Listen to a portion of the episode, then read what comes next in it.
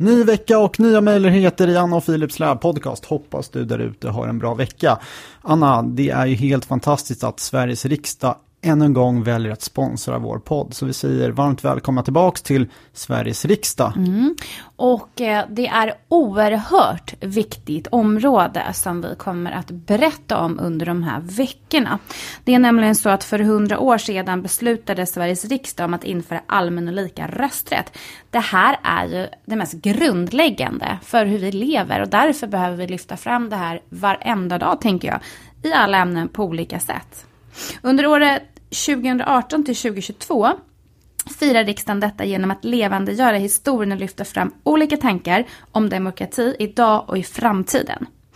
Firademokratin.riksdagen.se är en webbplats där riksdagen har samlat allt material om demokratifirande, bland annat studiematerial, quizar, virtuella tittskåp, filmer, fördjupande teman, inte minst en jättebra tidslinje över demokratins utveckling från 1809 fram till idag.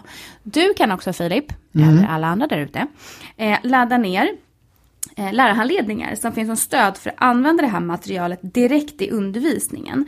Eh, du kan beställa det här kostnadsfritt också på firademokratin.riksdagen.se. Visst låter det viktigt och bra? Viktigt på riktigt skulle jag säga. Tusen ja. tack till Sveriges riksdag för att ni är med och möjliggör den här podden. Men Anna, för ett år sedan så hade vi en härlig stund med John Steinberg som var ett väldigt populärt avsnitt. Minns du var vi befann oss då? Ja, det vi gjorde jag faktiskt. Vi var på konferensen Lärkraft. Och vad hände där i år? Ja, det är nämligen så här att jag och Karin Boberg kommer att hänga på konferensen Lärkraft. Eh, och det kan vara bra att veta att det är Gotia Fortbildning som är en ny samarbetspartner oss som kommer att eh, hänga med oss ett par veckor. Och det är tillsammans med dem som vi gör den här äh, digitala konferensen den 21 oktober. Och äh, det här är ju superroligt, framförallt för mig som är med. Jag tänker hänga vid sidan av och lyssna. Ja, men eller hur. Men det är inte bara jag och Karin som kommer prata om ledarskap, utan det är också Helena Wallberg som var med i podden eh, för någon vecka sedan. Exakt, som kommer prata om det här med lektionsdesign. Det kommer vara Hamid Safar, tidigare rektor och årets svensk. Tillika så Martin Schibbye. Han är ju fantastisk. Ruggigt vass. Mm. Så det kommer vara otroligt många bra föreläsare. Så missa inte det här.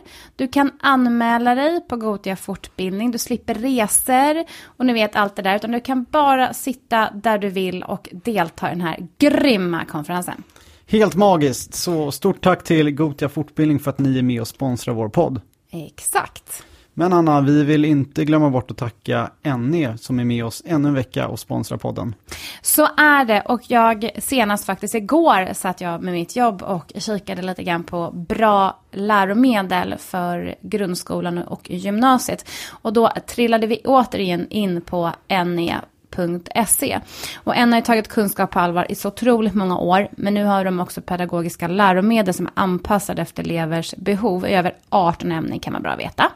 Det finns jättebra funktioner, det finns uppslagsverk, det finns läshjälp eh, för elever som behöver det.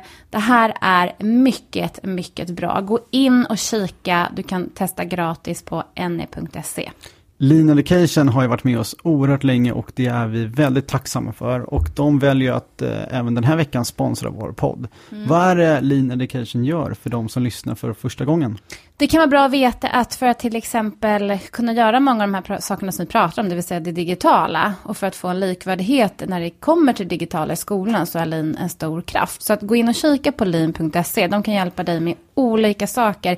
Dels fortbildningar, kanske om ni vill ha något specifikt där ni vill åka och kika på hur man gör någonting digitalt, eller att de kan komma med digitala lösningar till just din skola. Leaneducation.se Med de orden så rullar det här avsnittet med Anna och Philips lärarpodcast. Varmt välkomna!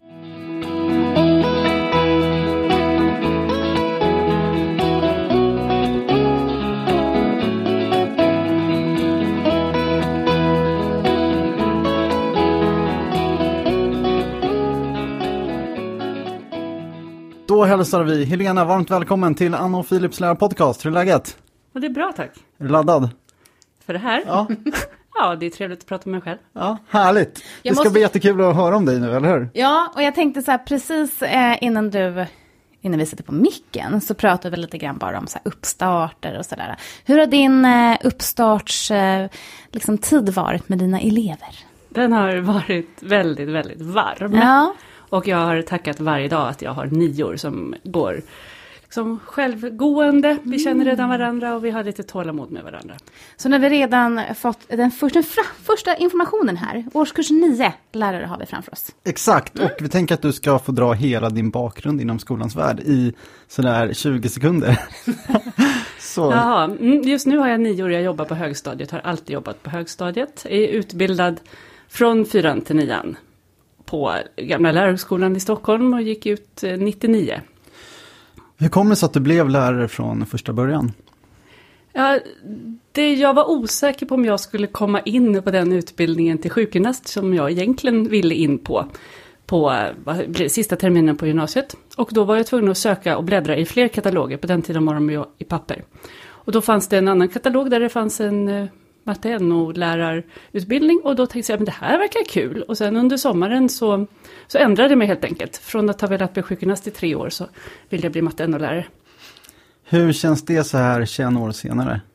Det känns jättebra, det har jag inte ångrat och jag tror att det, att det var lite flax liksom att, att inte ha massa förutfattade meningar om läraryrket utan bara halka in och som 19-åring gå lärarutbildningen som är ganska kritiserad så var inte jag så kritisk då utan kunde liksom anamma den som den var och ta till mig den. Jag hade, jag hade inga föreställningar om hur läraryrket skulle vara utan jag bara blev sån lärare som man blev då på 90-talet. Vilken tur för lärar-Sverige, tänker jag. Så det är min absolut spontana tanke. Sjukgymnaster är jättebra, men jag tänker i det här fallet så tänker jag lärare behövs just nu jättemycket. Så det är fantastiskt. Hur ser din tjänst ut just nu? Jag har två stycken nior i matte, NO och teknik. Och sen har jag några procent där jag försöker vara, jag tror att jag skrev att jag ska vara någon typ av länk mellan IT-avdelningen och lärarna. Att försöka förmedla information eh, både uppåt och neråt. Liksom. Jag tänker att vi ska stanna lite vid de digitala verktygen, eller vad säger du? Ja, jag, jag får precis en flashback nämligen. Eh, och det är från 2010.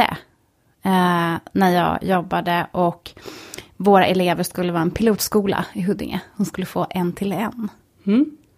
Det får jag upp som flashback. Då Hur hade vi här- redan haft det i två år. Ja, Ja. och då tyckte jag liksom att vi var verkligen så här mega först. Ja. Liksom. Eh, hur ser din digitala resa ut? Det måste jag ju fråga. Ja, min skola, Björknässkolan i Nacka, vi hoppade på det här som jag tror var vad jag har hört första kommunala skola som satsade från ettan till nian då.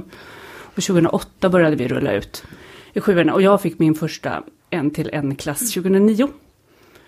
Och eh, ja, vad ska man säga om det? Det var ju jättenytt. Det var ett, ett annat betygssystem. Sjuorna hade inte betyg, vilket, och jag hade sjuor då. Och eh, kunde liksom prova ganska fritt. En i skolledningen som, och jag var ganska ny på skolan. På Björknässkolan hade jag bara jobbat ett par år då. Och eh, han sa så här, har du testat det här? Och, och jag sa nej, men då gör jag väl det. Och så testade jag nya saker varje vecka. Och eh, ja, men nu efter eh, 11-12 år med en till en så har jag hunnit testa ganska mycket saker. Berätta, vad har du testat?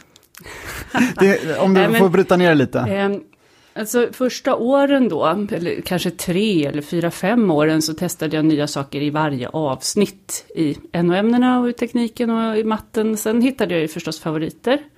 Jag har några favoriter kvar och några som jag bara testade en gång för att de, de ger inte så mycket som de tar. Det är ju en del digitala verktyg, verktyg är helt hopplösa. Då skulle jag nästan säga så här, dung, dung, dung. Här kommer favorittipsen. Det första tipset är... Har du några favorittips? Nej, jag har favorittipsen så här.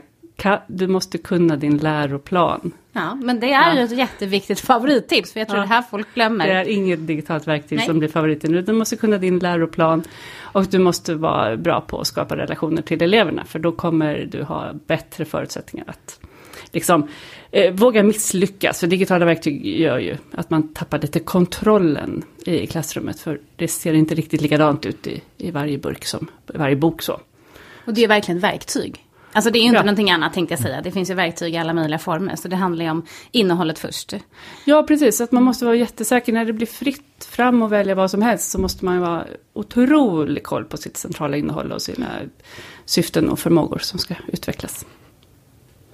Jag har en till sån här tanke som jag har eftersom att under den här tiden, jag vet inte varför jag minns den här så himla starkt, men jag gör faktiskt det, för det var liksom en, någon form av revolution. I min värld i alla fall. Liksom, det var ju väldigt många som säger väldigt många dörrar som öppnades. Jag tänker, vad tyckte du var den här grejen liksom, som du märkte hos eleverna? För jag, jag tyckte det var många grejer som hände samtidigt den här perioden. Men såg du någonting som hände kring eleverna när det här infördes? Det som då 2008-2009, då fick då ju de en häftigare dator av skolan än vad de hade hemma. Eh, och så är det inte längre. Dels så har man, satsar man inte på lika bra datorer längre i skolan, utan man går till sämre och sämre och billigare och billigare. De kanske är bra på att hålla, men de är inte så kraftfulla. och Så. Och sen så har många elever mycket häftigare burkar hemma. Så det, det var ju häftigt att de fick liksom en väldigt häftig grej av skolan. Eh, sen har det, och här, nu blir jag sådär kritisk, för att IT och digitalisering är verkligen inte alls bara bra, utan det krävs otroligt mycket av läraren för att det ska bli bra. Och man, man brukar prata om att, att det fungerar som en katalysator åt båda hållen, att om man, om man sätter liksom digitala verktyg i ett klassrum med en bra lärare så kan det bli jätte, jättebra. Och sätter man dem i ett klassrum där läraren inte är så bra så blir det riktigt fruktansvärt dåligt. Um, så den stora skillnaden vart väl att liksom blev, det blev ganska fritt. Varpå jag som lärare som ändå har ett visst kontrollbehov måste strama åt ramarna jättetydligt. Och ehm, ja, eh, ja, men det blev ett helt annat sätt att vara lärare, kan man säga så? Fast Ja. det ändå inte är det, för att det är fortfarande samma syfte att alla ska lära sig så mycket som möjligt på så lite ansträngning som möjligt. De ska ju må bra liksom under tiden, men ändå komma ut med Men kunskap. förhållningssätt dessutom. Förhållningssättet är väl samma, men, men vägen dit skiftar lite grann. När känner du att eh, det fungerar som bäst för dig att undervisa i klassrummet kring de digitala verktygen? Ja, det är nog där de liksom inte riktigt märks. Nu blir jag ju bortskämd för jag har nior och de är ganska invanda på de verktyg vi använder. Jag skulle säga att vi använder färre verktyg nu än för tio år sedan, för nu är, är många saker inlåsta och inbyggda. Då fanns inga digitala läromedel när vi började. Eh, nu finns det, men jag, ty- jag tycker det är häftigt när jag inte märker att de att de, jaha, nej men, jag, ja, nej men jag lyssnar på texten istället, är det någon som säger. Eller, ja, jag, jag tittar på den där filmen igen, för jag tyckte jag behövde spela tillbaka den där och den där förklaringen. Nu har jag gjort de här testa-själv-frågorna eller jag, jag tycker om när man kan markera här i boken. Och, ja, att, att det liksom bara flyter på, då fattar man att det är ett ganska bra verktyg också. Så. Verkligen.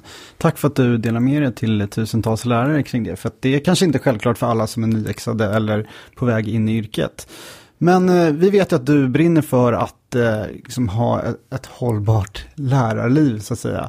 Där liksom man inte jobbar ihjäl sig. Eh, vill du liksom dela mer av dina tankar kring hur du jobbar för att liksom hålla länge? Mm, det, har, det har att göra med att jag både är rätt lat och har ett enormt kontrollbehov. Och då måste man liksom göra på ett sätt så att båda de personlighetsdragen kan som samsas. Ehm, och sen har jag haft det så att, att jag inte riktigt har funkat att jobba hemma. För jag är, inte, jag är ju så kvällstrött så jag kan inte jobba när mina barn har somnat. Och jag har barn som inte har tyckt att det har funkat att deras mamma jobbar. Utan det har blivit väldigt effekt, liksom ineffektivt om jag någon gång skulle ta hem något. Så det bygger mycket på att jag hinner göra det jag ska på jobbet. Och inte ta hem. Mm. Eh, kanske samma verktyg som i det här med digitalisering, alltså läroplanen. Om jag bara vet vad som står i den så kan, kan jag ju sålla bort ganska mycket saker som, som folk kommer och säger så här, det här borde skolan göra, eller jag tycker nog ändå att man ska, eller eh, vi, det, gymnasiet tycker att man ska göra det här i grundskolan. Och då kan jag liksom med trygghet säga så här, ja fast det är det här som står i min läroplan. Och, och det är just den här Elger 11 med revideringar från 2017. Det är den som gäller nu, inte Lgr 80 som jag gick i skolan på, inte LPO 94 som jag pluggade till. Utan nu är det det här som gäller. Så det är liksom tryggheten att vara jättepåläst. Um, sen det där med relationerna till eleverna. Det blir ju, alltså dels är det trevligare att vara i ett klassrum där man känner att man liksom har respekt åt båda hållen. Och jag kommer undan med att inte vara jag behöver inte ha ryggen fri på samma sätt om de tror att jag vill dem väl, eller rättare sagt att de kanske vet att jag vill dem väl. Och att jag inte bara, eh, ja, men inte bara gör det för att jag ska eller någonting sånt. Så att bygga upp relationer med intag och uttag av förtroendekapital, eller hur man nu brukar mm. uttrycka sig, det, det är liksom en, en grej också. För då tror jag, jag får nämligen inga föräldramail. Och av de, av de kollegor som får föräldramail så ser jag att de tar ju väldigt mycket både tid och energi, både när de ska svaras på, läsas och grubblas på. Och då är det väldigt skönt att slippa dem. Så då, på något sätt så går de hem och så säger de att det, det kan låta luddigt, Helenas uppgifter, men, men det kommer att ordna sig liksom, så att du behöver inte skriva något. Jag tror att du sätter fingret på några saker som jag har hört väldigt mycket kring när det gäller just om man har fått nya kollegor eh, mm. i sitt arbetslag eller som man pratar med. Den första grejen det här att verkligen veta vad man ska göra och inte dels kanske tro att varenda liten grej som står ska ägnas flera veckor till i det centrala. Mm. Man måste ju liksom kunna ja, sålla ut som du sa, men även uppgifter som du faktiskt inte ska eller bör göra. Så det är väldigt intressant det här att liksom börja lyfta det och jag tänker om du där ute är ny eller liksom har, känner den här stressen så försök att bolla med personer i din närhet. Så våga fråga de här sakerna. Vad är det som jag kan ta bort eller vad kan jag göra mindre av eller vad tillhör inte mitt jobb? Och eh, dagens gäst har ju faktiskt eh, fått många elever att gå från F till E. Det vill vi att du delar mer om nu till Sveriges lärare. Hur har du lyckats med det? Vad är nyckeln till den framgången? Ja, det är att jag får dem att slita hårdare än vad de hade gjort annars. Mm. Och hur gör du då ehm. för att få dem att slita hårdare? Ja, alltså vi, jag jobbar ju ganska mycket med att de ska få vara med och planera och bestämma så mycket som det bara går. Det är dels i relationsskapandet, jag måste ju liksom lita på att de har bättre koll på hur, hur, hur de upplever skolan än jag.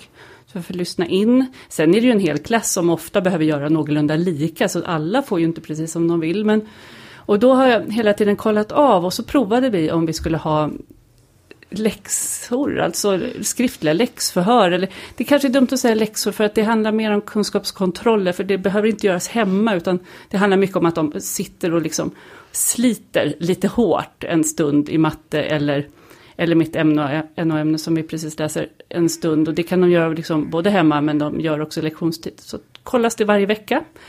Och då när jag frågar dem, vill de ha det så här? Alltså två prov med mig varje vecka. Eller om de vill ha lite mer sällan, då vill alla ha varje vecka. Eh, sen eh, får de också skriva om de här läxförhören som vi kallar dem då, eh, hur många gånger som helst.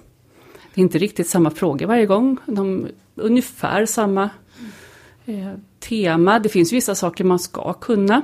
Och, ehm, och, ja, så, och de är väldigt förtjusta i det. Och sen när jag frågar om, om de om de prioriterar att göra en läxa och anstränga sig i ett ämne där de vet att de får ett skriftligt prov framför ett där de inte får det, då svarar ju alla jo men så är det ju faktiskt. Så det handlar ju om att, att de sliter lite hårdare och jag märker också väldigt mycket snabbare de som inte klarar av det och kan stötta upp för att då handlar det om kanske en vecka, vi tar matte som är ett av mina ämnen.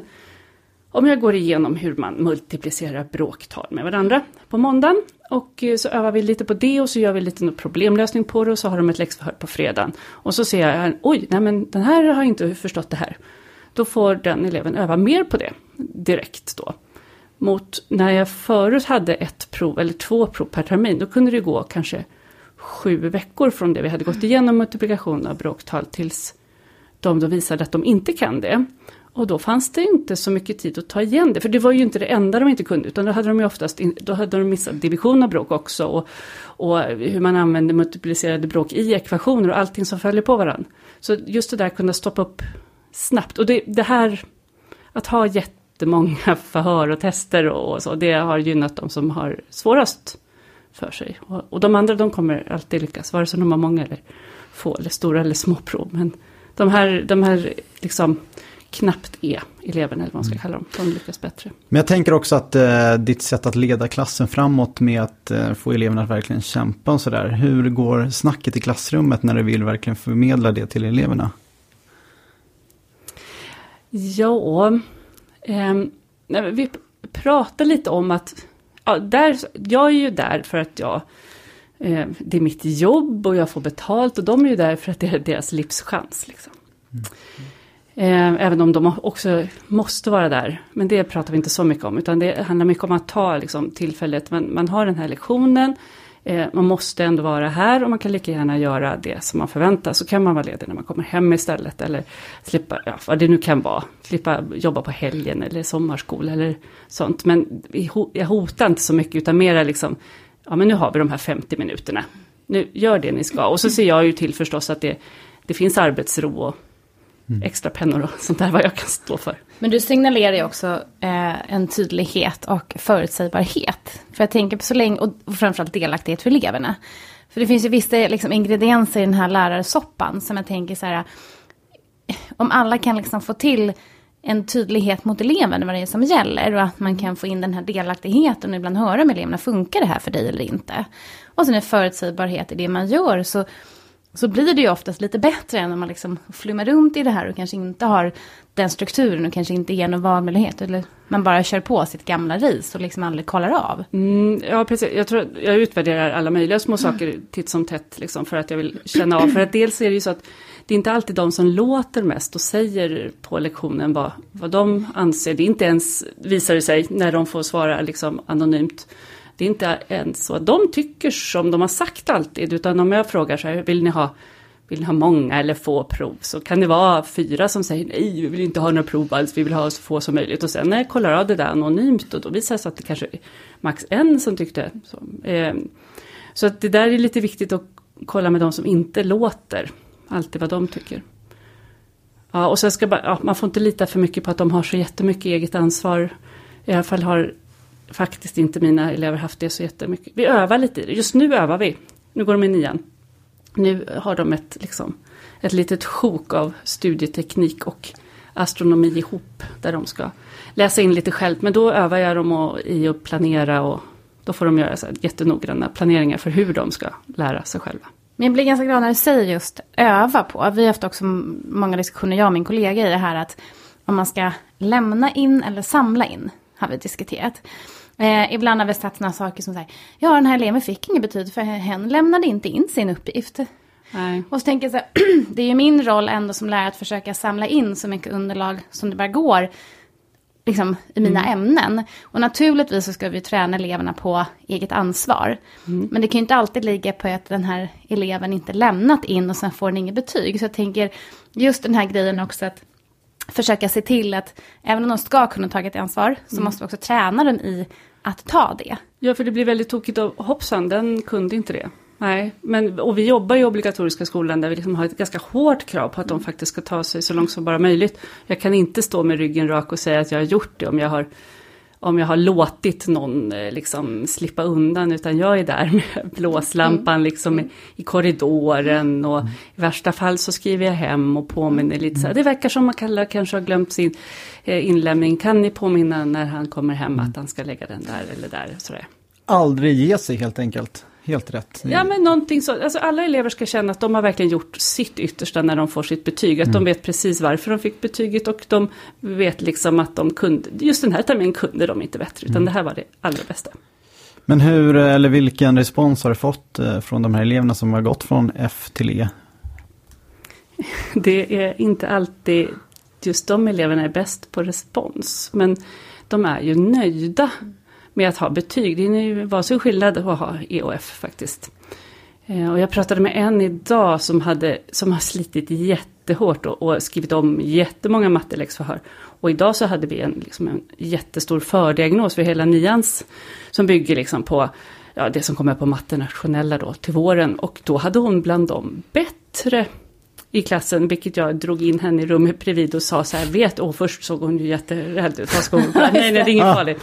Jo, men vet du att du är faktiskt bland de bättre i klassen, det behöver du inte säga till någon, men tänk vad det lönar sig att slita. Då vart hon ju förstås jätteglad. Mm, wow, ja, häftigt. Det är häftigt hur man som lärare kan vara med och påverka. Det, ja, det slår i det mesta. Och att det inte bara kommer gratis, som du säger. Det, mm. det handlar ju faktiskt om ett jobb, ett slit. Ja. Eh, det är inte alltid bara liksom att det ska, det, liksom, ja, alla gör ju någonting och tränar hårt för att lyckas med det. Så jag tycker det också ja, och det här blir ju också, det är så roligt när man kan belöna det på något mm. sätt, slitet. Mm. Mm. Men eh, nu tänker vi att du ska få låna Anna Ekströms jobb i 90 sekunder. För du ska få välja någonting i svensk skola som du vill bevara och sen ska du få välja någonting som du vill kicka ut. Det kan vara egentligen vad som helst. Dina 90 sekunder är dina nu.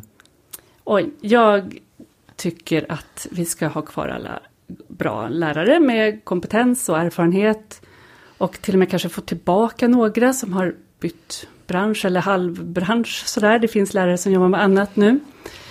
Och sen måste vi bli bättre på likvärdighet. Eh, det tror inte jag att Anna och jag tycker så olika egentligen. Jag, jag, tycker att det är hemskt att det ska vara olika mellan olika klassrum, mellan olika skolor, mellan olika kommuner och så. Att det ska vara, fortfarande vara så väldigt, väldigt mycket upp till vilken lärare man får. Utan det skulle vara säkrat på något sätt så att det inte beror så mycket på personen. Mm. Och då har vi även en bättre arbetsmiljö tror jag, för läraren. För att det är ju det som gör det lite tungt för en del lärare, att de känner att det hänger så mycket på just dem. Så om det på något sätt var mer kvalitetssäkrat så att alla, alla ungar i Sverige får liksom en, en likvärdig och bra utbildning där, där ett klassöverbryggande kan ske, mm. Eh, så, så vore jag nöjd. Mm. Kloka tankar. Tack. Nu är vi snart, snart inne på skryttime, men jag tänker ett så här litet förskryt innan skryttime kommer, som har med lite böcker att göra. Kan man inte få ett sånt förskryt? Ja, jag, när jag hade sysslat med en till en i fem år tror jag, så träffade jag på en, en forskare i pedagogik, en doktor i pedagogik, Håkan Fleischer, som är en teoretiker som kan teorin bakom det som jag kan praktiskt. Och vi skrev en bok eh, som heter Digitalisering som lyfter skolan, teori möter praktik. Och eh, sen när den är skriven och många av mina exempel är med, då har jag börjat göra samma sak år från år, inte göra nya saker. Det var ju väldigt konstigt men, men bra. Och när man har skrivit ner dem i en bok och liksom förankrat dem i teorin bör man nog göra dem igen. Så finns det några projekt som görs var tredje år numera. Eh, så när jag ändå var igång och skrev böcker så fick jag ju vara redaktör för Lärarnas riksförbunds eh, eh, ja, vad heter det, eh, samling av 13 lärare som skrev om att vi får det att funka, om digitalisering i klassrummet. Och sen, ja, det liksom föll på varandra. Jobba smart, din vägledning som lärare, det handlar ju då om där jag får i lugn och ro berätta om varför jag tycker att tiden räcker till. För det blir lätt lite upphaussat och arrogant om jag ska dra det på fem minuter. Mm. Men där kan man läsa i lugn och ro. Och just nu så håller jag och Camilla Askebäck Diaz på med en bok om eh, digitala verktyg i matteundervisningen som kommer ja, inom ett par månader.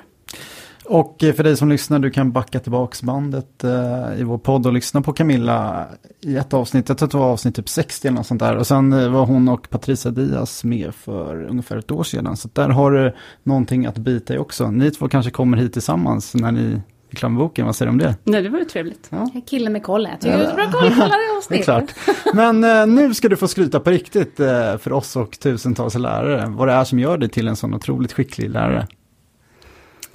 Eh, jag är inte så jätte, jättebra på skryt, eh, men jag tror att det beror på att jag vill att varenda unge ska klara sig.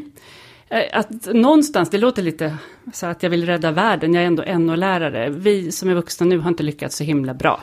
Eh, de, vi behöver liksom innovativa, kreativa naturvetare som tar hand om vår planet. Och min uppgift blir då att försöka få dem duktiga i matte och NO-ämnena och intresserade av dem. Och eh, så tycker jag det är roligt. Jag tycker det är roligt att stå på scen. Och, och jag tycker det är kul att, att, prata med folk. Och jag tycker nog att det är lite kul att få folk att göra som jag säger åt dem att göra. Också.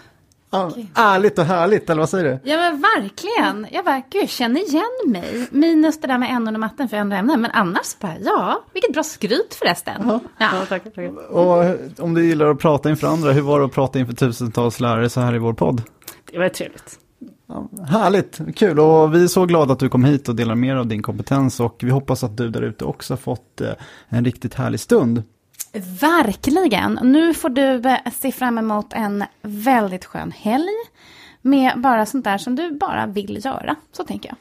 Så är vi tillbaks, tror det eller ej, även nästa vecka. Ha det toppen nu!